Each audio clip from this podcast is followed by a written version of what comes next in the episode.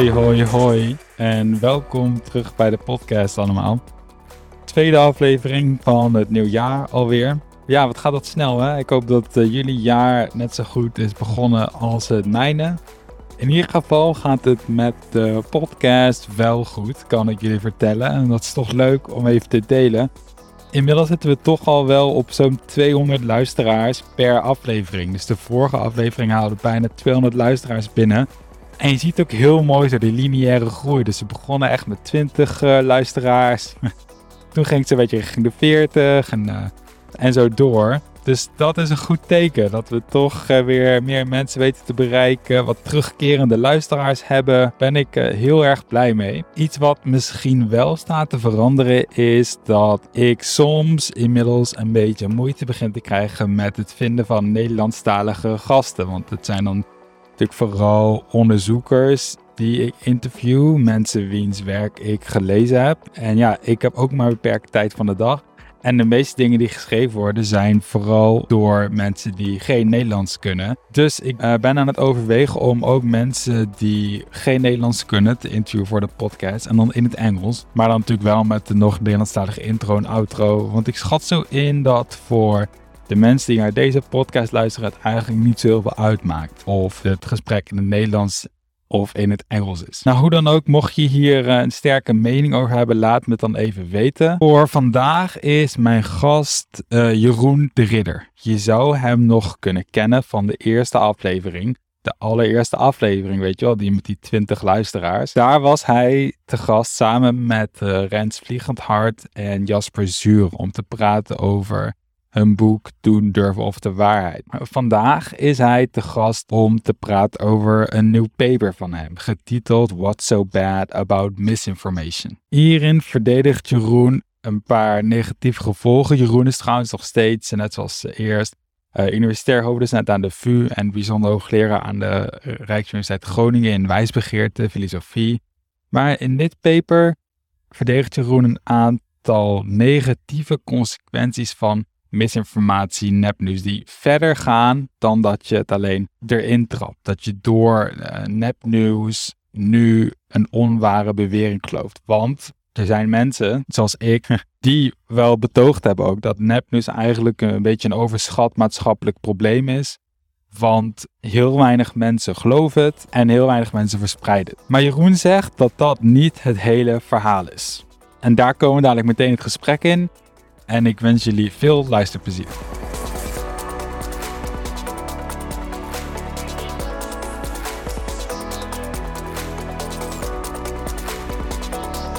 Ja, dus het is eigenlijk grappig hoe zeg maar, het nieuws over het nepnieuws uh, eigenlijk in een aantal fases is gegaan. Dus dat meen ik te zien. Dus in eerste instantie na 2016, de verkiezingen van Donald Trump, was er natuurlijk een enorme hoos aan berichten dat er overal nepnieuws was en dat het helemaal misging en dat iedereen in zijn eigen echokamers en informatiebubbels zat en we zouden overspoeld worden met nepnieuws. En je had al die, al die schrikbarende voorbeelden van, van websites die heel erg leken op de websites van echte kranten. Je had de Denver Guardian, nou dat was dan geen echte nieuwssite, maar die leek er heel veel op.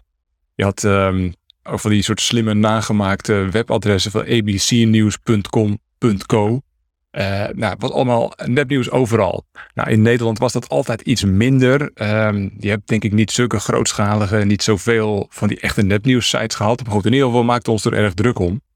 Nou, een paar jaar later, toen wetenschappers er allemaal rustig naar hebben, hadden kunnen kijken, bleek het op bepaalde manieren toch wel mee te vallen. Dus nou ja, er is enorm veel onderzoek naar gedaan. Heel knap onderzoek met grote data-analyses en zo. Waarbij wetenschappers hele nou ja, Facebook en Twitter hebben leeggeschraapt. Zeg maar, om te kijken hoe vaak er nou nepnieuwsberichten waren. Hoe vaak ze gedeeld werden. Wie dat deden. Super interessant. Maar inderdaad, het plaatje wat daaruit kwam was toch een beetje teleurstellend. In de zin van, nou, het was in ieder geval heel anders dan die eerste berichtgeving suggereerde. Uh, het beeld dat daaruit kwam was ja, nepnieuws als percentage van het totaal eigenlijk heel klein maar. Eh, ik, ik weet niet uit mijn hoofd, maar in de orde van grootte van 1 of 2 procent maar of zoiets. Hmm. Bovendien uh, heel weinig mensen relatief die dat nepnieuws inderdaad lezen en vervolgens verder delen. en welke mensen waren dat dan? Nou ja, vooral de internetgrootverbruikers, zeg maar. Mensen die toch al veel te veel tijd op internet zaten. En, en dan dus ook een deeltje van die tijd besteden aan het verspreiden van nepnieuws. En dat bleek dan ook nog eens een keer, in ieder geval voor wat Amerika betreft, vaker mensen aan de republikeinse kant van het spectrum te zijn. Dus aan de rechterkant van het spectrum. Nou ja, dus het beeld wat daar eigenlijk uitkwam was van, ja, ja al, dat, al, dat berichten, al die eerdere berichten over nepnieuws was een beetje overdreven. Het valt allemaal wel mee. Nou, wat ik eigenlijk wilde doen met dit paper is uitleggen van, nou ja, dat is maar één stukje van de puzzel. Op zich is het natuurlijk goed nieuws hè, dat er minder nepnieuws is dan we eerst dachten. Dat het wat minder gedeeld wordt en zo als percentage van het totaal. Allemaal prima. Maar dat alleen zegt nog niet alles, want de aanwezigheid van nepnieuws, ook als het relatief weinig is, heeft nog steeds wel allerlei nou ja, indirecte effecten, zowel op individuen als op, hele onze, op heel onze informatieomgeving. En dat probeer ik in dit paper eigenlijk soort systematisch te laten zien. Van, nou ja, er zijn allerlei indirecte effecten waar je wel degelijk uh, over moet nadenken en waar je best wel een beetje bezorgd over kunt maken. Ik denk ook voordat we daar aan toe komen, is het uh, goed om even te zeggen of uitleggen um, dat we eigenlijk niet meer per se hebben over alleen nepnieuws in de strikte zin van het woord, als in verzonnen of nagemaakte nieuwsberichten die zo zijn ontworpen, met die voorbeelden die je net zei met uh, The Guardian, Denver of zo, dat ze de pretentie wekken dat het eigenlijk gewoon een krant is. Maar dat het iets breder gaat over misinformatie. En dat misschien nepnieuws, maar dan alleen één van de subcategorieën van misinformatie is. Ja, ja, nee, zo is het. Zo denk je er inderdaad ook over. Dus nepnieuws is een uh, onderdeeltje van een breder verschijnsel misinformatie. En nou ja, hoe, um, ja, hoeveel breder is dat dan? Nou ja, waar ik aan denk, um, is eigenlijk allerlei vormen van, van misleidende of onware of, of slecht uh, onderbouwde informatie. Um, dus dat kan zijn, uh, nou ja, niet alleen nagemaakte berichten die op, op kranten lijken of op krantenberichten lijken, maar net zo goed dingen op sociale media, uh, andere soorten websites, Twitter, YouTube, Instagram, TikTok dus een bekend voorbeeld van uit die 2016 verkiezingen was van Hillary Clinton. Als je dan zocht op gezondheid Hillary Clinton, of in het Engels health Hillary Clinton, zag je allerlei filmpjes waar een soort slim in geknipt was, waar Hillary Clinton een heel raar gezicht net trok op zo'n stil beeld. En daar zag ze inderdaad heel ongezond uit. Nou, dat is niet een bericht in de krant dat is nagemaakt, maar natuurlijk wel heel suggestief. Uh, nou ja, een soort vorm van, van misinformatie op YouTube. Daarnaast, naast die, die strikt verzonnen nieuwsberichten, heb je ook dingen als clickbait, waar natuurlijk heel soort ja, misleidende koppen vaak boven staan, om maar gewoon heel veel kliks te genereren, zodat de bedenkers ervan wat geld kunnen verdienen. Uh, je hebt ook heel bewuste politieke propaganda. Nou, dat kan in de vorm van verzonnen nieuwsberichten, maar kan ook op allerlei andere subtielere, indirectere manieren. Bijvoorbeeld, denk ik, een, belangrijke vorm daarvan is heel erg eenzijdige berichtgeving. Dus je benadrukt alleen maar bepaalde feiten en aspecten van een probleem. Of je, je kleurt ze heel sterk in vanuit een bepaald politiek frame. En uh, om maar even uh, voorbeelden in Nederland. Uh, ja, ik denk als je bronnen als, als bijvoorbeeld de dagelijke standaard of de post online aan de rechterkant of aan de linkerkant, misschien websites als oneworld.nl of vrijlinks.nl. Ja, die hebben natuurlijk een heel duidelijke politieke kleur. En die bepaalt dat, ja, dat ze aandacht hebben voor bepaalde zaken, voor bepaalde aspecten van problemen. En dat is niet allemaal nepnieuws, dat zijn geen verzonnen berichten, maar het is wel vrij eenzijdig nieuws. Nou ja, naarmate je natuurlijk alleen maar van dat eenzijdige nieuws consumeert, van die eenzijdige berichtgeving consumeert, ga je natuurlijk toch een beetje een vertekend beeld, of in ieder geval eenzijdig beeld van de werkelijkheid vormen. Dus dat vat ik ook onder misinformatie. En eigenlijk de, ja, de rode draad, als je een soort korte typering zou willen hebben van wat is nou misinformatie, zou ik zeggen, nou ja, het is allemaal uh, informatie die een beetje losjes omgaat met, met de waarheid en de feiten. Dat is de, de rode draad erdoor. En dat kan dus op heel veel manieren. Dus inderdaad door gewoon iets te verzinnen. Maar net zo goed door allerlei impliciete suggesties te doen. Hè? Dus je, kent allemaal die uitdrukkingen van ja, maar goed, we moeten toch beide kanten van het verhaal vertellen. Over klimaat bijvoorbeeld. Of over vaccinaties. Ja, maar moeten toch ook ruimte maken voor kritische vragen. Daar moeten we toch over kunnen praten. Dat klinkt heel goed. En het is natuurlijk waar dat we beide kanten moeten vertellen. Maar je moet ook wel eerlijk zijn over hoe groot en hoe sterk die beide kanten zijn. Hè? Ik bedoel, als er 99% van de wetenschappers zeggen, nou ja, het zit zo. Ja, dan is die ene procent misschien een soort andere kant. Maar het is misleidend om te doen alsof het 50-50 is. Want de balans slaat heel duidelijk door naar één kant. Dus het is eigenlijk alle informatie die je een misleidend beeld geeft van de werkelijkheid. Op wat voor manier dan ook eigenlijk. Ja, ja, precies. Ja, waarbij je nog even voorzichtig moet zijn. Want er zijn natuurlijk ook wel gewoon eerlijke vergissingen. Hè? Dus je zou kunnen zeggen, ja, een, een Ja. verslaggever, een journalist kan een keer iets verkeerd doen. Eh, terwijl hij heel erg zijn best of haar best heeft gedaan. Ja, dat is gewoon een foutje. Dus dat levert dan uiteindelijk ook onjuiste informatie op. Maar dat zou je natuurlijk eigenlijk liever niet onder de categorie van misinformatie vatten. Dat is in ieder geval geen doelbewuste misleiding of framing. Dat is gewoon een fout, een eerlijke fout. Dus dat wil je dan uitsluiten uit die definitie. En is het dan ook zo dat als je zo kijkt naar het probleem, dus in die bredere zin van misinformatie in plaats van nepnieuws, dat het er dan, want zoals je net ook al zei, nepnieuws was heel lang dat we dachten dat is er nu veel meer dan eerst, want het is veel makkelijker om te maken en te produceren en iedereen kan dingen op internet gooien, et cetera. Ja. Maar als je zo breder kijkt naar misinformatie, is het dan ook nog dat je die ontwikkeling ziet van oké, dat is er nu veel meer door het internet. Ja, dat is lastig te zeggen. Dus veel mensen suggereren dat wel. Het, het punt is natuurlijk vooral, ja, wil je dat echt weten, moet je het heel systematisch onderzoeken. En dat is nou juist heel lastig, omdat er natuurlijk direct de vraag opkomt van ja, wat telt er dan als echte misinformatie? En nou ja, dat nepnieuws waar we het eerder over hadden, met die compleet verzonnen berichten, dat zijn in feite hele makkelijke gevallen van misinformatie. Daarvan kun je zeggen, ja, hoor eens, weet je, dit is verzonnen, is nooit echt gebeurd, dat is verifieerbaar, controleerbaar, dat kun je zo vaststellen. Dat zijn duidelijke categorieën, of dat zijn duidelijke, overduidelijke voorbeelden van nepnieuws. Dus veel van het onderzoek dat gedaan is, heeft inderdaad met die soorten van nepnieuws gewerkt.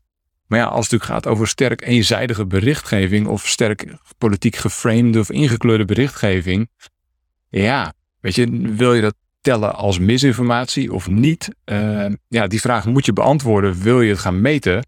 Maar dat is natuurlijk super controversieel. Want de een zal zeggen, ja hoor eens, dit is gewoon super belangrijk om te benadrukken. Dat is geen misinformatie, dit is gewoon mijn kijk op de zaak. Dus dat is, hè, dat is prima betrouwbare informatie. Dus dat vaststellen, dat meten is super ingewikkeld. Dus dat maakt ook dat je, nou ja, ik ben in ieder geval, ik ben nooit onderzoek tegengekomen dat dat nou echt probeert uh, kwantitatief in kaart te brengen. Van nou, hoeveel meer misinformatie is er? En dat heeft gewoon te maken met de moeilijkheid van het echt meten daarvan. Hmm. Oké, nou ja, dan even terug naar het, uh, het hoofdargument. Zeg maar. Oké, je hebt die analyses van uh, nepnieuws, komt weinig voor, weinig mensen geloven het. Nou, oké, okay, dat is niet het hele verhaal, want je moet um, kijken niet alleen maar naar nepnieuws, maar naar misinformatie breder. Ja. En dan zie je ook nog meer nadelige effecten die niet zijn. Mensen zijn nu overtuigd of inge- uh, van een onware, onware bewering zijn er ingetrapt. En um, wat zijn dan die andere gevolgen? Ja, nou precies. Daar gaat natuurlijk inderdaad het grootste stuk van dat artikel over. dus naast inderdaad mensen die gewoon onware dingen geloven, wat je natuurlijk ook hebt, ook al heb je zelf gewoon een, een ware overtuiging, dus je, je, je gelooft gewoon iets en daar heb je een sterk bewijs voor, je hebt er goede argumenten voor, goede redenen voor, kan het natuurlijk zo zijn dat die misinformatie er wel voor zorgt dat je eigenlijk onterecht gaat twijfelen aan wat je gelooft. Dus stel, je hebt uh, keurig je huiswerk gedaan en je hebt uitgezocht, nou ja, wat is er nou voor bewijs om te denken dat die coronavaccinaties veilig zijn? Nou, je hebt de studies bekeken, stel je voor, allemaal opgezocht in de medische tijdschriften en je denkt, ja oké, okay, Weet je, ik ben geen medicus, maar ik kan wel een beetje de statistiek lezen. Dus dit zit goed. Uh, dat, dat, is allemaal in orde.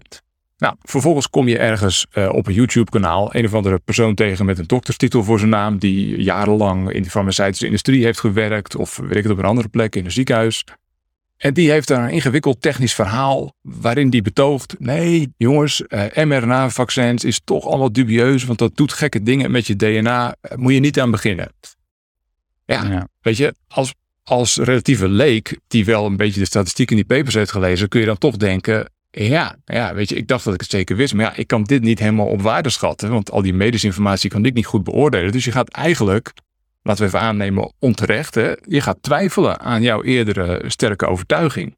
Nou ja, filosofen noemen zoiets dan soms een defeater. Um, mm. Dus wat, ja, wat is nou zo'n defeater? Nou, dat is eigenlijk een stukje misleidende informatie dat je tegenkomt, dat jouw eigen overtuiging onderuit haalt, zou je kunnen zeggen. Dat kan op verschillende ja. manieren. Dat kan doordat het gewoon rechtstreeks je overtuiging tegenspreekt. Hè? Dus je, je gelooft vaccins zijn veilig en je ziet daar een, een vermeende expert vertellen: nee, nee, nee, ze zijn helemaal niet veilig. Dus die spreekt jouw overtuiging direct tegen. Wat ook kan gebeuren, is dat niet zozeer je overtuiging direct wordt tegengesproken, maar dat een soort uh, twijfel wordt gezaaid over de bron waar jij je overtuiging uithaalt. Dus jij dacht, uh, ja, ik heb de British Medical Journal bekeken of uh, een ander tijdschrift met, met, met een goede reputatie. En dan kom je iemand tegen die zegt, ja, maar luister eens, weet je niet dat, dat, dat die mensen eigenlijk betaald worden door de farmaceutische industrie en dat er allemaal dwarsverbanden zijn tussen de redacteuren en de farmaceutische bedrijven. Dus die, ja, weet je, die, die medische tijdschriften zijn eigenlijk gewoon reclameblaadjes voor de farmaceutische industrie. Dus dat kun je niet zomaar geloven. Nou, op die manier wordt ook twijfel gezaaid aan je overtuiging, omdat de bron uh, in twijfel getrokken wordt de poisoning the well, zou je kunnen zeggen. Dus ja, dat, dat is één manier. Dan geloof je nog niet eens zelf meteen die misinformatie, maar je, je gaat twijfelen aan overtuigingen die je eerst had. Dus dat is een eerste ja, indirect effect, denk ik, wat je van misinformatie hebt. Dus je hebt een, je hebt een laten we aannemen, een waar idee. Dus bijvoorbeeld vaccinaties uh, zijn effectief en veilig. En dan krijg jij een soort van uh, uh, tegenwerping. Dus ja, maar luister eens, mRNA-vaccins, dat is helemaal nieuw, is een soort van experiment, eh, dat is gevaarlijk, dat doet allemaal gekke dingen. En dan denk ja, ja, ik heb geen flauw idee, want ik weet niet eens wat mRNA betekent.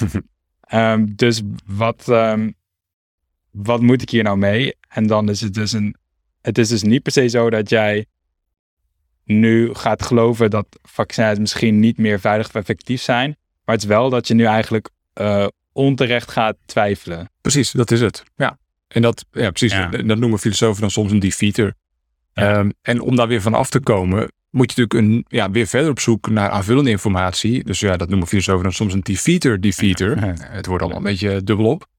Maar het punt is, je moet dan dus die ja, die informatie waardoor jij bent gaan twijfelen weer zien te ontkrachten. Dus uitzoeken van ja, wie was nou die persoon die ik op YouTube zag praten? Is dat nou echt een betrouwbare bron? Nou ja, dat, dat kun je niet in één keer zien. Dan moet je weer verder meer werk voor doen. Dus je, ja, en hetzelfde geldt voor de redactie van zo'n tijdschrift. Zou je ook moeten gaan uitzoeken. Ja, is het nou echt zo? Zijn er geldstromen van farmaceutische bedrijven naar tijdschriften? Nou ja, blijkt dat het allemaal niet zo is. Maar punt is wel, je moet er extra werk voor doen om dan toch weer jouw eigen overtuiging, die in eerste instantie gewoon goed was, om die weer veilig te stellen. Ja, je moet er meer werk voor gaan doen. Dat is, uh, ja, dat is wel herkenbaar.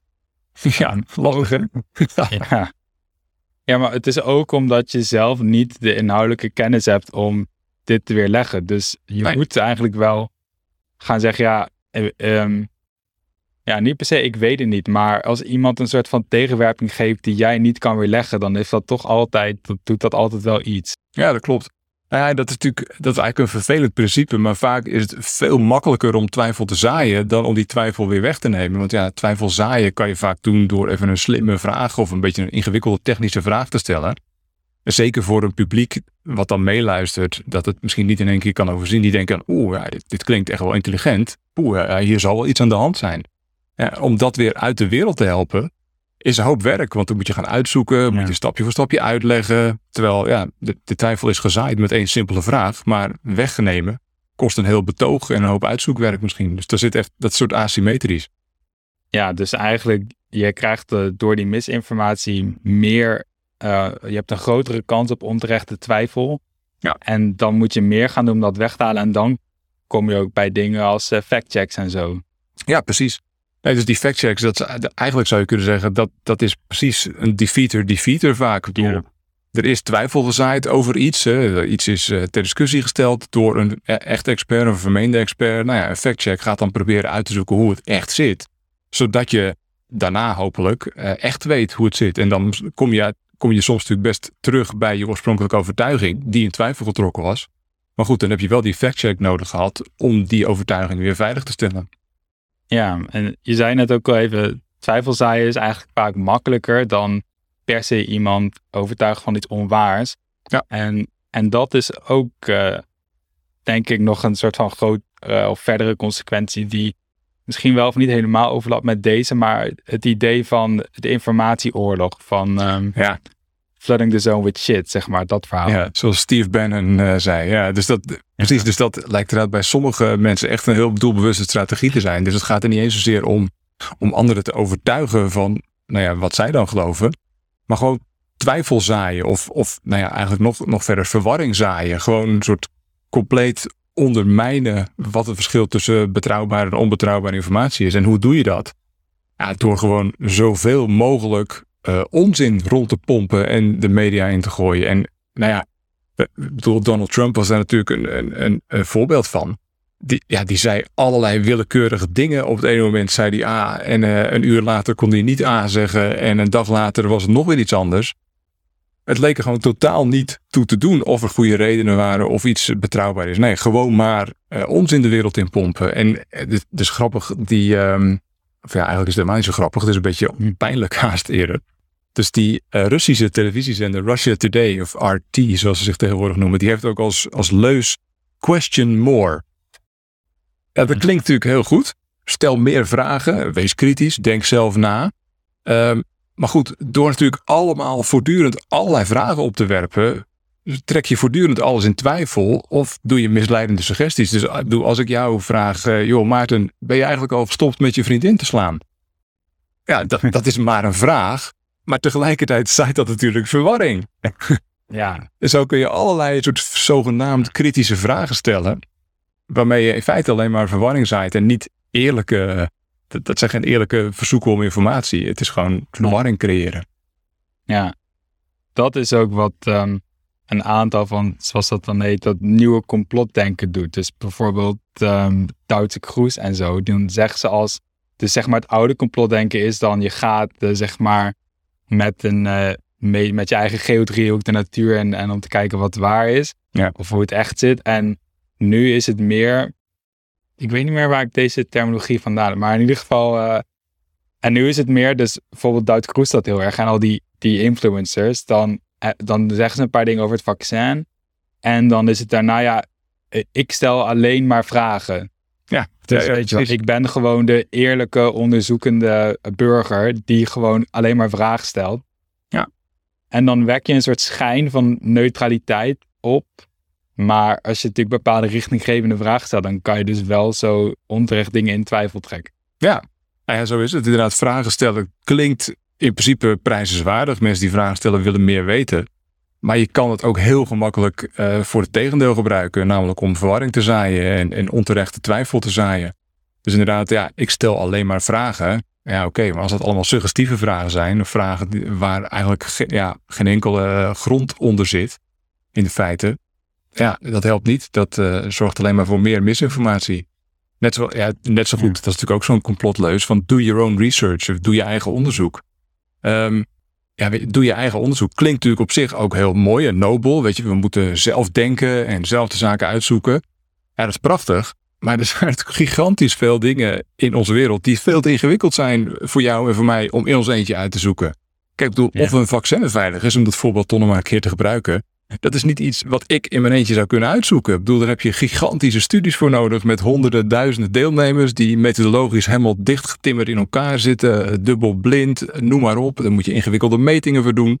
Uh, ja, dus doe je eigen onderzoek. Hoezo? Dat kan niemand in zijn eentje. Doe, wat je in je eentje kan doen, is de informatie proberen te lezen die eruit komt. Maar je eigen onderzoek doen kan in heel veel gevallen niet. En dat, ja, nou ja, goed. Dus die, ook die kreet van doe je eigen onderzoek kun je dus heel makkelijk misbruiken om een soort twijfel te zaaien die er helemaal niet zou hoeven te zijn. Dat is ook wel een soort van paradoxaal, want het is natuurlijk wel best lang in ieder geval in de filosofie, en of ja, in de westerse samenleving in ieder geval, een soort van uh, verlichtingsideaal geweest van denk zelf na en um, et cetera. Dus dat doe, doe meer werk, je moet nou meer werk doen. Dus toevallig had ik het gisteren met mijn vriendin over ja, niet toevallig, want ik wist dat ik jou vandaag zou spreken hierover. En die zei dat, uh, die zei precies dit. Die zei ja, maar is dat ook niet, uh, heeft dat ook niet iets positiefs? Want dan moet je dus juist in plaats van, nou, het staat in de krant, dus het zal wel waar zijn, moet je misschien wat meer kritisch gaan nadenken en et cetera. En is dat ook juist niet dan iets positiefs? Ja, nou ja, dus dat, ja, weet je, dit is een beetje een flauwig antwoord. Dus ja, natuurlijk is het goed om kritisch te zijn, om goed na te denken zelf. Uh, maar goed, het gaat steeds om de, ja, de mate waarin. En eh, het, je moet een soort gulden middenweg vinden. En uh, je moet zelf nadenken. Maar daarbij moet je ook goed oog hebben voor de grenzen van waar jij zelf goed over kunt nadenken. En goed nadenken betekent onder meer, maar dat krijgt dus veel minder nadruk vaak, bij complotdenkers en anderen, uh, goed nadenken over wie je wel en niet kunt vertrouwen. Niet alles zelf uit willen zoeken, maar goed nadenken over welke bronnen, welke experts, welke wetenschappelijke onderzoeken, welke praktijkdeskundigen moet ik geloven en welke niet. Dus dat ja, eigenlijk soort je, ja, je plek vinden in de hele sociale wereld van informatie die op je afkomt.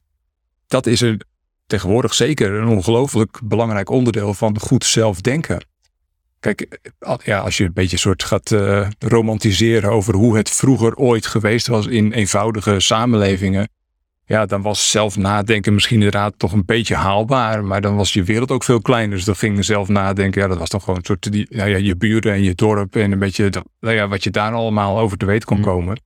Maar de, ja, de veel bredere, grotere wereld, daar wist je dan ook gewoon niks over. Maar om daar meer over te weten te komen, heb je gewoon anderen nodig. En dat, ja, weet je, mensen zijn wat dat betreft, eh, wat je echt helemaal op eigen kracht alleen kan weten, is super beperkt. Um, ja, weet je, dat is wat je nu ziet en hoort en, en ruikt en voelt en je herinneringen. Maar daar houden we ongeveer mee op. dus dat is heel weinig. En voor de rest heb je gewoon andere mensen nodig die op andere plekken zijn, die dingen beter weten dan jij omdat ze hebben uitgezocht, enzovoort, enzovoort. Je bent eigenlijk veel meer afhankelijk voor andere mensen bij het hebben van, uh, van ware ideeën. Gigantisch. Dat je vaak realiseert. Ja. Je hebt maar heel weinig zelf gezien, op zelf gecheckt, zelf waargenomen. Ja, nee, precies. Als je, kijk, dat is natuurlijk eh, dat is praktisch ondoenlijk. Maar als je inderdaad op een rijtje zou willen gaan zetten van, nou ja, wat zijn nou allemaal dingen die ik weet? Dus je gaat gewoon proberen op te schrijven, een soort lijstje maken van, nou, hier zijn allemaal feiten die ik meen te kennen, waar ik, waar ik kennis van heb. Mm. Nou ja, eh, probeer het maar eens eerlijk. Ik bedoel, ik schat in dat, eh, nou ja, als het 5% is wat je helemaal op eigen kracht te weten bent gekomen, dan is het al veel, denk ik eerlijk gezegd. Ja, ik vind zelf hier altijd een leuk voorbeeld van zoiets heel fundamenteels als uh, weet je, water is H2O. Zo, wat je echt al sinds je middelbare school weet je dat. Maar je hebt nooit zelf uh, dat waargenomen. Ja, ik zou niet eens weten hoe ik dat zou moeten waarnemen. Nee, ja, daar ga je. Ja. nou ja, dat klopt. En ja, goed, dus de, de, misschien dwalen we dan een beetje af. Maar er is het is, dus ook, we, we, we, houden onszelf ook een beetje voor de gek. Dus er is een heel interessant psychologisch onderzoek dat uh, laat zien dat mensen eigenlijk hun eigen kennis, hun eigen begrip van dingen best vaak overschatten. Uh, totdat ze uitgedaagd worden. Dus als ik aan jou vraag van, joh Maarten, uh, begrijp jij hoe een fiets eigenlijk werkt? Ja. Hoe, hoe de versnellingen op je fiets werken? Ja. Dan zeg jij waarschijnlijk, ja, nee, dat snap ik wel, want ik kan fietsen. Ik ben een Hollandse jongen, dus ik fiets al vanaf dat ik, weet ik veel, twee of drie was. prima. Dus je denkt, oké, fietsen, snap ik, versnellingen helemaal onder controle. Maar als ik je dan vervolgens zou vragen van, joh, maar leg nou eens aan me uit, hoe werken die versnellingen dan precies? Dan zeg je waarschijnlijk, ja, je, tandwieltjes en er is zo'n ding aan mijn stuur, dan kan ik draaien en ja, dan trap ik en dan ga ik harder of zachter. Maar daar houdt het wel ongeveer op. Ik bedoel, nou ja, tenzij hij toevallig specialistische kennis hebt over fietsen. Maar weet je, de gemiddelde Nederlander die kan daar vrij weinig over zeggen. Van hoe het dan precies zit met die tandwielen en verzetjes en grotere, kleinere krachten enzovoort. Dus eigenlijk overschatten we vaak enorm wat we zelf allemaal weten. Dus dat komt er denk ik ook nog bij. Als je je afvraagt van nou, wat weet ik allemaal zelf. Daarom is het voorbeeld van water H2O voor jou ook mooi. Um, je denkt inderdaad, oh ja, natuurlijk weet ik dat dat water H2O is. Maar inderdaad, ook dat is natuurlijk een voorbeeld hoe vanzelfsprekend het ook klinkt. Dat we gewoon van anderen hebben. En eigenlijk kunnen we dat zelf helemaal niet goed controleren. We zouden niet eens weten hoe je dit inderdaad moet doen. Chemisch uh, ontleden. Ja, maar om het dan weer even terug te koppelen aan uh, de hoofdlijn. Ja. Dus de eerst, het eerste negatieve gevolg was, je gaat vaak eigenlijk onterecht twijfelen aan dingen. En um, waar we nu over hebben gehad, is misschien een ander negatief gevolg ook, dat het eigenlijk het hele informatielandschap wat vervuild wordt, waardoor je minder op aan kan van, ja, je, je bent minder zeker dat je van andere mensen op aan kan als zij iets zeggen? Of... Ja, precies. Nou ja, dus in, in het paper probeer ik dat nog soort op twee manieren even uit elkaar te trekken. Dus de, de ene gaat eigenlijk nog over de indirecte effecten van eigenlijk op de. En dat loopt vooral via de mensen en, en de andere bronnen om je heen. Dus het punt is inderdaad, misschien ben je zelf super kritisch, let je altijd goed op op je bronnen. Maar dan nog, er zitten natuurlijk veel mensen in je omgeving die dat misschien wat minder doen, of die dat niet altijd doen als jij het doet. Dus er zullen ongetwijfeld mensen zijn die jij vertrouwt, je vrienden, je familie, je kennissen, misschien bepaalde experts, die in sommige gevallen misinformatie gaan doorgeven. Dus je hoort van een collega van, joh, ja, ik heb nou wat gelezen. Dan denk je, oh, nou, als hij het zegt, weet je, ik ken hem als een betrouwbaar iemand. Dus maar ja, het kan natuurlijk dat hij of zij een keer misinformatie doorgeeft. Dus effect is dan inderdaad, naarmate meer misinformatie is, zelfs als je persoonlijk altijd goed oplet met je bronnen, kun je van andere mensen misinformatie uh, krijgen. Um, en nog iets anders, en dan kom je inderdaad een beetje op dat punt van die omgeving al terecht. Um, naarmate er meer misinformatie om je heen is, wordt het, en, zeker als dat hele slimme, uh, goed vermomde misinformatie is, zeg maar, wordt het lastiger om het onderscheid te maken tussen echte goede informatie en misinformatie. Dus er is een bekend gedachte-experimentje uit de jaren 70 van een Amerikaanse filosoof, Elvin Goldman. Dat is een beetje de, ja, de geestesvader van de epistemologie, of in ieder geval de sociale epistemologie. Um, en dan heeft hij het over een, een, een streek waar je doorheen rijdt waar heel veel nepschuren staan. Um, de, nepschuren zijn eigenlijk gewoon een soort eh, kartonnen voorkanten van, van schuren alleen maar. Dus van de weg af bekeken lijkt het net een echte schuur. Maar in het echt is het gewoon een bordkartonnen plaat waar heel goed een, schilderij van een schuur op gemaakt is. Nou, je rijdt door die streek heen en je kijkt om je heen en je denkt, gut, wat staan hier veel schuren. Jongen, jongen, wat een mooie schuren zijn dat. Um, maar stel je nou voor, jij rijdt daar en op het moment dat jij uit het raampje van je auto kijkt, zie je precies toevallig die ene echte schuur die daar staat. Dus jij, toevallig wijs, op het moment dat jij kijkt, richt je je ogen op die ene echte schuur. Hmm. Punt is, overal eromheen staan die nepschuren. En hmm. het gedachte-experiment wat Elvin Goldman daar dan oproept, is van ja, luister, in zo'n scenario weet je dan echt dat daar een mooie schuur staat? Je zou kunnen zeggen, ja, weet ik, want ik kijk naar die enige echte schuur. En mijn ogen bedriegen me niet. Ik heb goede, goed, goed zicht. Um, dus ja, ik weet dat daar een schuur staat. Maar toch, heel veel mensen, en dat, is grappig, dat hebben ze later ook gewoon met grote groepen mensen eh, geprobeerd. Heel veel mensen twijfelen toch om daar te zeggen, ja, je weet echt dat je die schuur daar ziet. Waarom? Nou ja, omdat het op een bepaalde manier kwestie is van puur toeval dat jij precies naar die echte schuur kijkt. Je had net zo goed naar zo'n bordkartonnen façade kunnen zitten kijken in je auto. Dus ja, precies.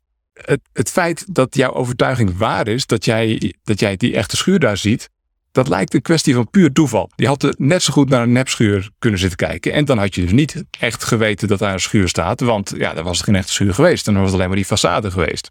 Want die, die nepschuren en die echte schuren, die zijn... Uh maar per definitie niet visueel te onderscheiden. Nee, precies, dat is onderdeel van het experiment. Kijk, je kan natuurlijk in, het in het gedachte-experiment, je kan natuurlijk zeggen, ja hoor eens, dan loop je er nog even omheen, dan zie je het meteen. Zeker, dat is waar. Maar we stellen ons voor, je rijdt er gewoon langs en je kijkt uit het raampje. Je hebt geen tijd om uit te stappen en om schuren heen te lopen.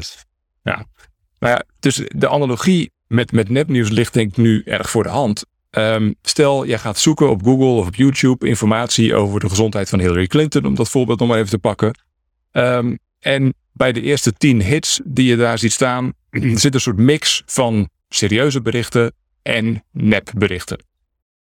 Nou ja, naarmate die nepberichten heel goed lijken op de echte berichten, dus ja, dezelfde soort uh, preview zie je er misschien bij, of een, een, een, een, webadres, een URL die er in principe gewoon normaal uitziet.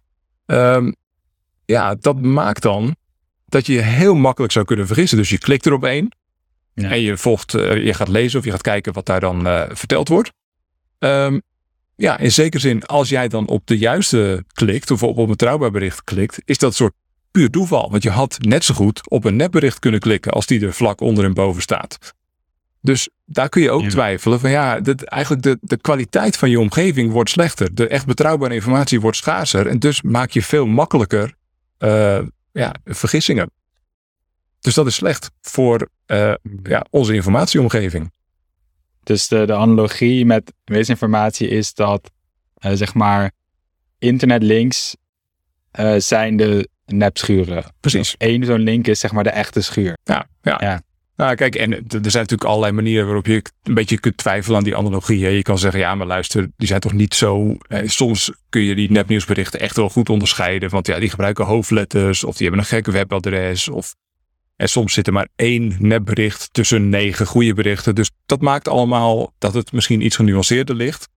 Maar het punt is denk ik eenvoudig, als nepnieuws of misinformatie nauwelijks te onderscheiden valt van echte informatie, wordt het dus moeilijker voor ons om gewoon aan betrouwbare kennis te komen. Ja. En ik denk om die analogie nog, uh, nog sterker te maken, zou je hem kunnen doen met niet per se uh, ware of onware, zeg maar, feitelijke berichten. Dus um, Hillary Clinton was ziek, uh, ja of nee. Maar met, uh, zeg maar, argumenten. Dus bijvoorbeeld het argument dat, of ja, het is dat, nou ja, maar in ieder geval het argument dat de coronavaccinatie niet um, betrouwbaar is, want we weten niet wat de lange termijn gevolgen zijn. Ja. Dat is in zekere zin, ook als dat soort van natuurlijk wel een feitelijke bewering, maar het lijkt in zekere zin minder een soort van ja of nee dan, weet je wel, Hillary Clinton is ziek of niet. En dat is ook denk ik veel vaker waar het om gaat als we informatie zoeken op internet. Dan zien we wel een beetje van die complexere argumenten. En het is, dan is het ook um, denk ik intuïtiever om te zeggen van ja, je kan, je kan eigenlijk niet onderscheiden wat zijn de, uh, de goede argumenten ten opzichte van de slechte argumenten. Want je hebt gewoon niet die kennis. Volgens mij maak je een goed punt. Dus inderdaad, als je praat over complexere argumenten, zeker als er een soort technische, inhoudelijke, wetenschappelijke kennis bij nodig is. Ja, mensen die dan uh, een beetje kennis hebben, die een beetje ingevoerd zijn in de virologie, de biologie, de immunologie, die kunnen waarschijnlijk allerlei technische termen gaan gebruiken, waarvan jij als buitenstaander denkt, ja, weet je, ik kan niet zo goed onderscheiden of deze technische termen allemaal op de goede manier gebruikt worden. En of wat er nu gezegd wordt met deze technische termen inderdaad allemaal echt is vastgesteld door onderzoek of niet. Dus ja, het, zeg maar, het, het technisch klinkende bullshit verhaal is nauwelijks te onderscheiden van het even technisch klinkende correcte verhaal. En da, nou ja, daar heb je dus het punt. Dan kun je als buitenstaander, en wordt het een kwestie van, van toeval of jij de echte expert hoort of een nep-expert. Dat kun jij niet uh, zo onderscheiden. Dus ja, nep-experts, echte experts lijken wat dat betreft ook op die echte schuren en nep-schuren. Ja, en dat is dan nog eigenlijk een, um, nog een verder indirect gevolg van dat er dus meer misinformatie is. Ja, ja precies. Er zijn dus meer van die nou ja, nep-experts, nep-nieuwsberichten, nep-wetenschappelijk klinkende verhalen die je tegen kunt komen. Ja.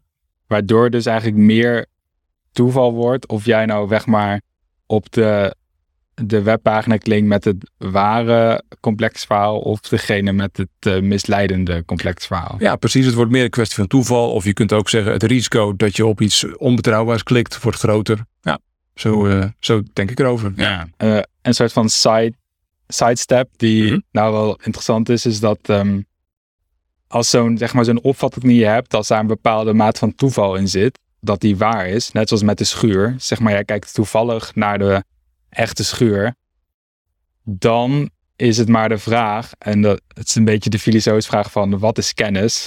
Ja. Of je dan, ook al het is wel waar, dus stel je kijkt naar de echte schuur of je klinkt op de goede link, heb jij dan echt, uh, ja, je hebt wel een ware opvatting, maar weet jij ook echt dat dat de echte schuur is? Ja, precies. Nou ja, dat, dat is enorm. Ik bedoel, dus in feite een van de kernvragen in het vakgebied epistemologie, kennisleer, dus de, nou ja, weet je, hier kunnen we drie uur lang over doorpraten. Er zijn allerlei antwoorden geven op die vraag. Maar het is misschien leuk om het om er één of twee even uit te lichten. Um, ja. Dus één zo'n voorgestelde analyse van wat is nou het verschil tussen een ware overtuiging hebben en kennis hebben. Um, Eén zo'n antwoord op die vraag is, nou ja, wil een ware overtuiging ook kennis zijn? Dan moet die ware overtuiging veilig zijn of safe. Wat houdt dat in? Mm -hmm. Nou, dat houdt eigenlijk in je pakt een overtuiging die je hebt, die ook waar is. En je gaat je afvragen, als de wereld nou net iets anders was geweest. En ik zou diezelfde overtuiging gevormd hebben op de manier waarop ik hem nu heb gevormd. Zou die dan nog steeds waar zijn? Oké, okay, voorbeeld. Je kijkt op de klok, het is 12 uur en je vormt de overtuiging, het is 12 uur. Nou, klopt. Mooi, prachtig. Mm. Um, even ervan uitgaan dat jij op een werkende klok uh, kijkt dan is die overtuiging ook veilig. Want als jij uh, in, in werelden die uh, net iets anders waren geweest, ook op diezelfde klok had gekeken en je had de overtuiging gevormd, nou het is 12 uur, zou het ook allemaal geklopt hebben. maar stel nou dat jij op een stilstaande klok kijkt, die toevallig precies op 12 uur stil is gaan staan, en op het moment dat jij kijkt is het ook 12 uur. Ja. Dan is je overtuiging niet meer veilig. Waarom niet? Nou ja, als je net op een iets ander moment had gekeken, had jij nog steeds gedacht: het is 12 uur. Terwijl het dan eigenlijk twee over twaalf of uh, half twaalf was geweest. Dus als de wereld net ietsje anders was geweest en je had op dezelfde manier je overtuiging gevormd, zou je met een onware overtuiging geëindigd zijn. Um, dus een beetje technisch verhaal, maar dit is de gedachte. Je gaat nadenken over een overtuiging die je hebt en je vraagt je af, die overtuiging, als ik op dezelfde manier vorm, als de wereld net iets anders was geweest, is die dan nog steeds waar? Zo ja, dan zeg je dus die overtuiging veilig. Zo nee, is die onveilig. En sommige mensen zeggen dan, wil een ware overtuiging kennis zijn, dan moet die veilig zijn. Dus onveilige overtuigingen, ook al zijn ze waar, zijn nog geen kennis. Ja, en misschien... Ben je erbij? Ja, ja, ja ik wel. maar misschien... Nou, ik denk dat je het wel duidelijk uitlegt ook voor de, de luisteraars. Dus ja, als je het op dezelfde manier doet, maar de wereld is net iets anders, dan is het een onware overtuiging. Dus bijvoorbeeld, je methode is, ik kijk uit het raam van mijn auto, maar als je net tien seconden later kijkt, dan precies. Had je het, was het niet meer waar geweest, want dan had je een nepschuur gezien. Ja, ja uh, precies. Dat is een ander voorbeeld. Ja. En dan, maar het is dan niet alleen, of ja, het is dan misschien weer zo'n discussiepunt, maar niet alleen maar van dat uh, het, een veilige ware overtuiging, die veiligheid is uh, noodzakelijk voordat het kennis is, maar ook voldoende. Dus dan is het ook echt kennis. Maar dat is ook... Ja, weet je, daar verschillen de meningen weer over. Dus dat, dat vinden filosofen heel leuk. Dat is natuurlijk een soort intellectueel puzzelen. Dan ga je proberen van, kan ik nog net een slim tegenvoorbeeldje verzinnen waar ik een veilige, ware overtuiging heb, maar waarvan we intuïtief toch zeggen, Nee, dat is geen kennis. Nou ja, dan krijg je allerlei gekke verhalen waarin engelen en aliens een rol spelen. Die ah, dan eh, met, met, met je hersenen zitten te rommelen. Oké, okay, eh, superleuk als je van houdt. Maar eh, dat, dat wordt wel echt allemaal science fiction-achtig. Ja. Dus nou, ik weet nog dat uh, tijdens mijn promotie heel veel over heb gehad met mijn begeleider. En hij was, want hij was daar toen ook een beetje mee bezig. En hij was uiteindelijk na een paar jaar tot de conclusie gekomen dat uh, kennis is uh, veilige ware overtuiging. Nou ja, nou ja nee, zeker. Hij, hij is niet de enige. Ja. nou ja, dus ik, ik, vind het, bedoel, ik vind het op zich heel geinig om daarover na te denken. En het, ik, ik zie altijd wel de uitdaging in die puzzels van kun je nog slimmere voorbeeldjes bedenken. Um, het, het, nadeel daarvan vind ik altijd wel, je, je raakt wel erg losgezongen van een soort concrete praktische vragen die mensen hebben over misinformatie en kennis en wie kun je geloven en wie niet. Eh, dus ja, ja, goed, weet je, dat kan geen kwaad. Kijk, ik bedoel, ik denk in de fundamentele natuurkunde zijn ze ook aardig losgezongen van uh, appels die naar beneden vallen. En dat geeft allemaal niet.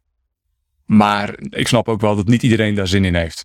Dus om het dan maar het thema weer terug te koppelen. Dus ja, wat er gebeurt is dat doordat er meer misinformatie is die moeilijk te onderscheiden is van het, van het echte verhaal, is eigenlijk de overtuiging minder veilig. Ja, precies. Dus eh, we kunnen het even weer concreet maken met een voorbeeld. Dus stel, je gelooft uh, in deze wereld dat Trump in 2016 of voor 2016 niet echt heeft samengewerkt met de Russen. Uh, laten we er even vanuit gaan dat het waar is. Dus, misschien, daar kun je best over twijfelen, geloof ik. Hè? Maar oké, we, stellen even voor het voorbeeld nu, dat was echt zo. Trump heeft niet samengewerkt met de Russen.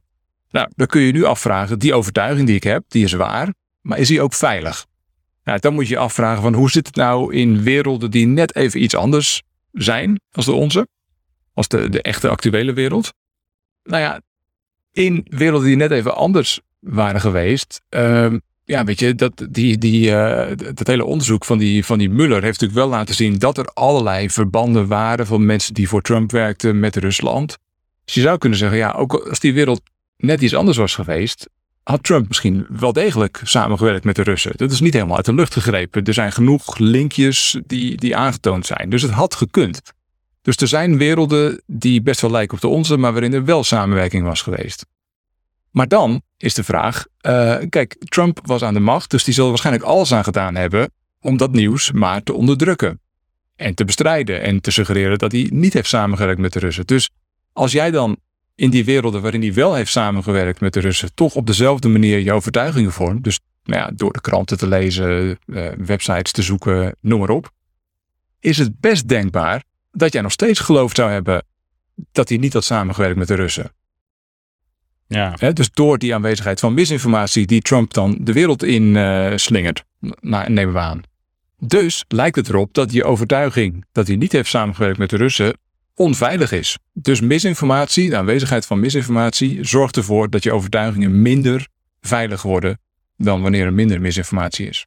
Dus in dit voorbeeld is het dan zo, dus stel mijn overtuiging dat uh, Trump dan niet tegenaan komt, omdat, uh, uh, ja, weet ik veel, dat stond in de krant, of dat is mm -hmm. nu een beetje de officiële waarheid.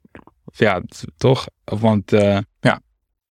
Um, maar als ik diezelfde manier had gebruikt, dus ik had gewoon de officiële waarheid gevolgd en, oh ja, en hij had het wel echt gedaan, het samenwerken, dan dan had ik nu de onware overtuiging gehad als ik dezelfde manier had gebruikt. En daarvoor hoeft het maar een klein beetje anders te zijn. Nou, precies, dus er zit natuurlijk een hoop aannames in dit verhaal. Hè? Maar de gedachte is inderdaad van ook als hij het wel gedaan heeft, had er nog prima nog steeds in de kranten kunnen staan dat hij het niet had gedaan. Dus als jij diezelfde kranten blijft lezen, zou je misschien nog steeds geloofd hebben dat hij het niet had gedaan. Terwijl hij het in dat scenario feitelijk wel heeft gedaan. Oké, dan hebben we nu denk ik best wel mooi uh, die twee, um, of in ieder geval twee nadelige gevolgen van misinformatie dus ja. minder veilig. Dus je hebt meer kans dat het onwaar was als je het op dezelfde manier had gedaan.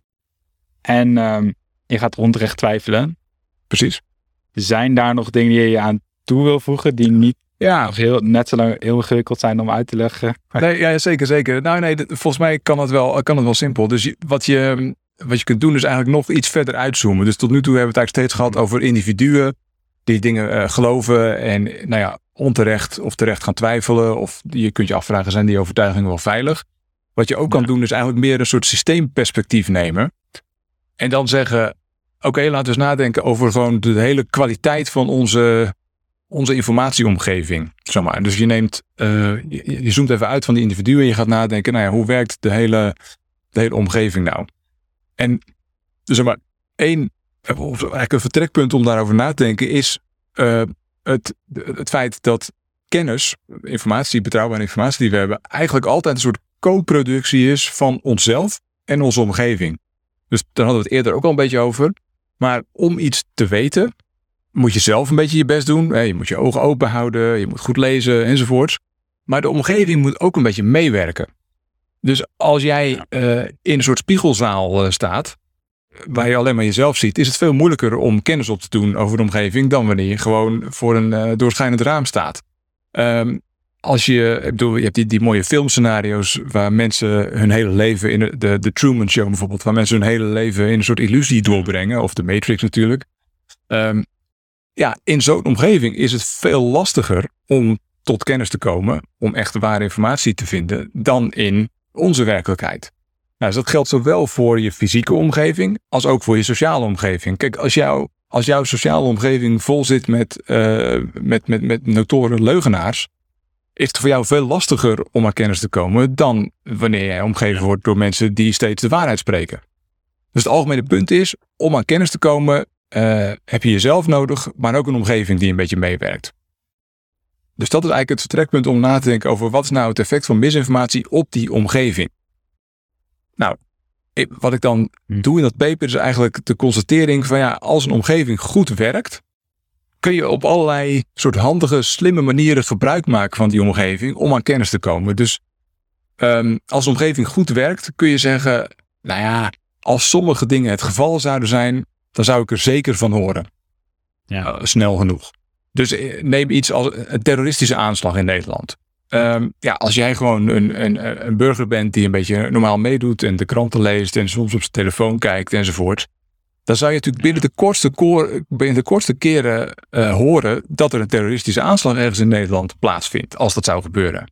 Mhm. Dus uit het feit dat je daar niks over gehoord hebt, kun je eigenlijk opmaken dat er geen terroristische aanslag geweest is.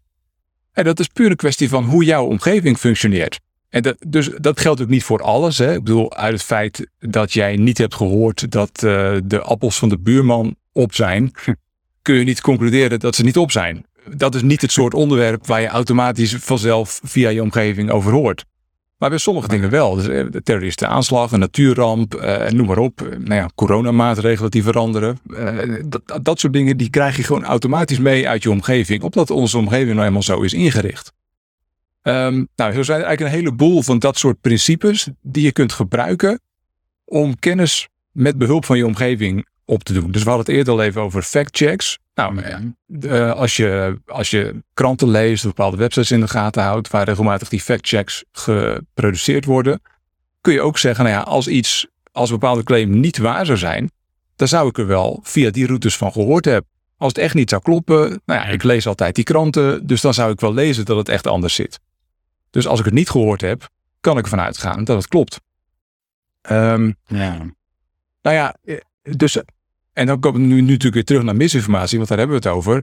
Punt is, naarmate er meer misinformatie is, gaan dit soort principes lastiger worden. Dat gaat allemaal een beetje rammelen.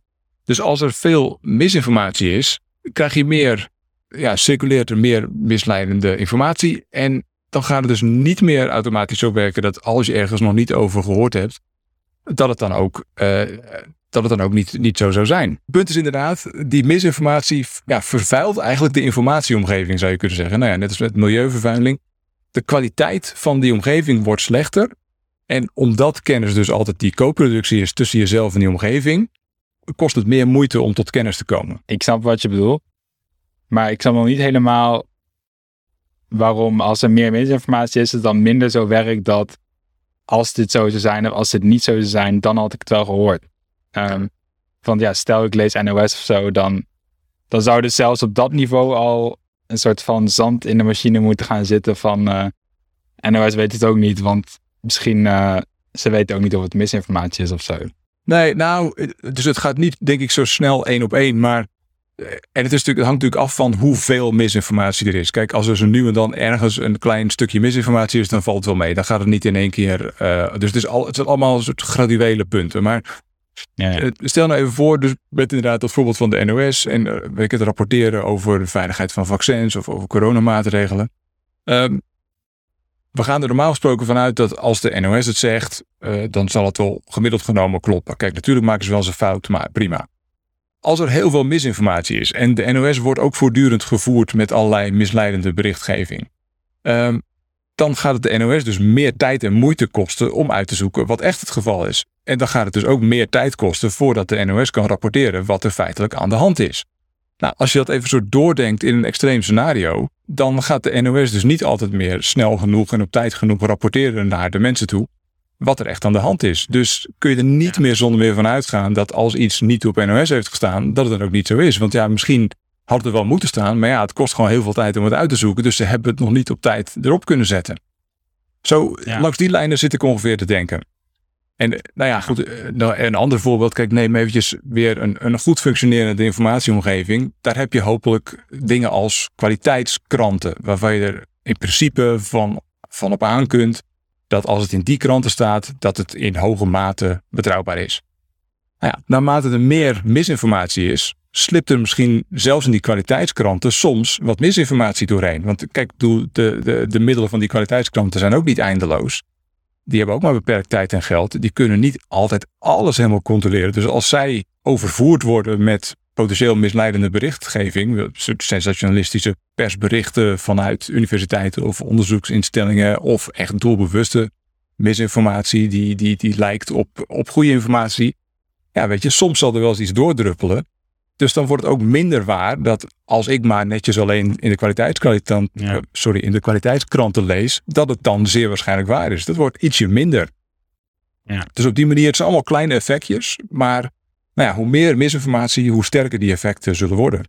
Ja, precies. Dus dan kan je er echt op recht op een gegeven moment, als je dit maar, als je dit echt ver genoeg doortrekt, er minder van uitgaan dat, oké, okay, het staat in uh, in de kwaliteitskrant of het staat op de NOS of op nu.nl. Um, omdat dan zelf zij foutjes gaan maken of het lang duurt voordat het erop ja. staat. Dus ja, dat het langer is. Ja, ik weet ook niet of naar die terroristische aanslag uh, in Amsterdam of dat nou echt was of niet was. Want iedereen is nog aan het uitzoeken. Ja, nou ja, zoiets. Ja, precies. Ik bedoel, je zou kunnen zeggen, nou, dit is overdreven. En ik, ik claim ook, ik bedoel, in dat paper ben ik natuurlijk gewoon de effecten aan het schetsen. En ik zeg niet dat het echt zover is, maar dit is wel, als je het, nou, je zou kunnen zeggen, dit is een soort worst case scenario. Hè? Als dit allemaal, uh, als er meer en meer misinformatie zou komen, ja, dan krijg je dit soort effecten. En dan wordt het dus allemaal moeilijker voor ons als, uh, nou ja, als burgers die onszelf proberen een beetje netjes te informeren om aan betrouwbare informatie te komen. Dus je zou, je zou het ook zo kunnen zeggen, naarmate die informatie meer vervuild raakt en slechter wordt, heb je ja, komt er eigenlijk een zwaardere last op je eigen schouders terecht. Dus moet je meer, ja, toch meer zelf gaan nadenken, zelf je onderzoek doen, zelf controleren of iets wel echt zo is. Misschien meerdere bronnen raadplegen, naast elkaar leggen, uh, uitzoeken of uh, journalisten of andere mensen die een boodschap doorgeven wel echt betrouwbaar zijn. Uh, kijken wat zij precies hebben gedaan voordat ze het opschreven. Dus allemaal meer werk voor jou als individu. En nou ja, ook dat heeft weer twee kanten. Je kunt zeggen, nou ja, dat, dat is goed, hè, want dan oefenen we onze intellectuele spieren een beetje. Dan moeten we harder werken om tot kennis te komen. Nou, dat is op zich waar. Maar het punt is natuurlijk, wat we eerder ook zeiden, het is onmogelijk om van elk stukje informatie dat je tegenkomt echt zelf te gaan controleren of het wel betrouwbaar is. Door we hebben maar 24 uur een dag en je kan niet alles controleren wat je leest of wat je ziet. En dan is, dat is dus ook het gevaar eraan, dat dan een meer waarschijnlijke reactie is. Niet van, nou, ik ga eens even mijn mouw opschopen en het uitzoeken, maar van, oké, je hebt ene zegt dit, andere zegt dat. Um, ik weet het ook niet, nou laat maar. Ja, dat, ja precies. Dat, zo, zo doe je dat zelf denk ik ook vaak. Dus ik betrap mezelf wel eens op. Ik denk, ja oké, ik heb hier mijn best gedaan. Maar ja, luister, eh, ik moet nu weer ander werk gaan doen. Dus het zal wel. Bekijk het maar. Nou ja, wat ik in, in ieder geval met de discussie over corona dan heel vaak merk als, het, als deze dynamiek gaat spelen, dat het dan is, ja, ik weet het ook niet, jij weet het ook niet. Um, en dan komt het heel erg aan op, oké ja, maar vertrouw je nou de wetenschap of zeg maar het establishment of niet. En dat is aan de ene kant denk ik logisch, maar aan de andere kant dat het nadat dat, omdat zo'n vertrouwen is meer, ja, het is wel op redenen gebaseerd, maar het, het heeft ook vaak wel meer, zeg maar, polariserende potentie. Ja, dat, ja, zeker. Ik denk dat je gelijk hebt, inderdaad. Dus um, naarmate je natuurlijk het allemaal niet echt zelf kan controleren en uitzoeken, moet je meer andere mensen vertrouwen. En ik denk inderdaad dat het waar is dat ja, aan wie je je vertrouwen uh, gunt, schenkt, dat hangt best wel af van allerlei ja, sociale, psychologische processen die niet per se zo heel veel te maken hebben met hoe betrouwbaar iemand echt is. Door heel veel psychologisch onderzoek laat natuurlijk zien dat we geneigd zijn, in ieder geval in eerste instantie, om de mensen te vertrouwen die een beetje op ons lijken die er hetzelfde uitzien, die misschien uit dezelfde sociaal-economische achtergrond komen. Uh, mensen die onze taal spreken. Uh, allemaal ja, op zich begrijpelijke kenmerken, maar ook kenmerken die niks zeggen over of iemand echt een betrouwbare bron van informatie is. Dus je kan heel makkelijk dat, uh, ja, daar ook misbruik van maken. Dus mensen die, ja. ja, die, die, die, die vertrouwd worden, die kunnen natuurlijk heel makkelijk ook uh, bronnen van misinformatie worden als ze misbruik gaan maken van dat vertrouwen. Is, nou ja, ja, ja. Nou, ik wilde gaan zeggen waarom we vertrouwen, wie we vertrouwen. Het lijkt me een mooi onderwerp voor uh, een ander gesprek. Ja, prima. Ah. Zeker. Nou, ja, Jeroen, leuk dat je er was. Graag gedaan. Ik vond het leuk om hier te zijn. Ik, ik kan lang niet uh, overal een uur lang over filosofiepapers praten. Dus uh, ik ja, ja, ja. dat je dit doet. Ja, nou, ik faciliteer het graag. Dankjewel.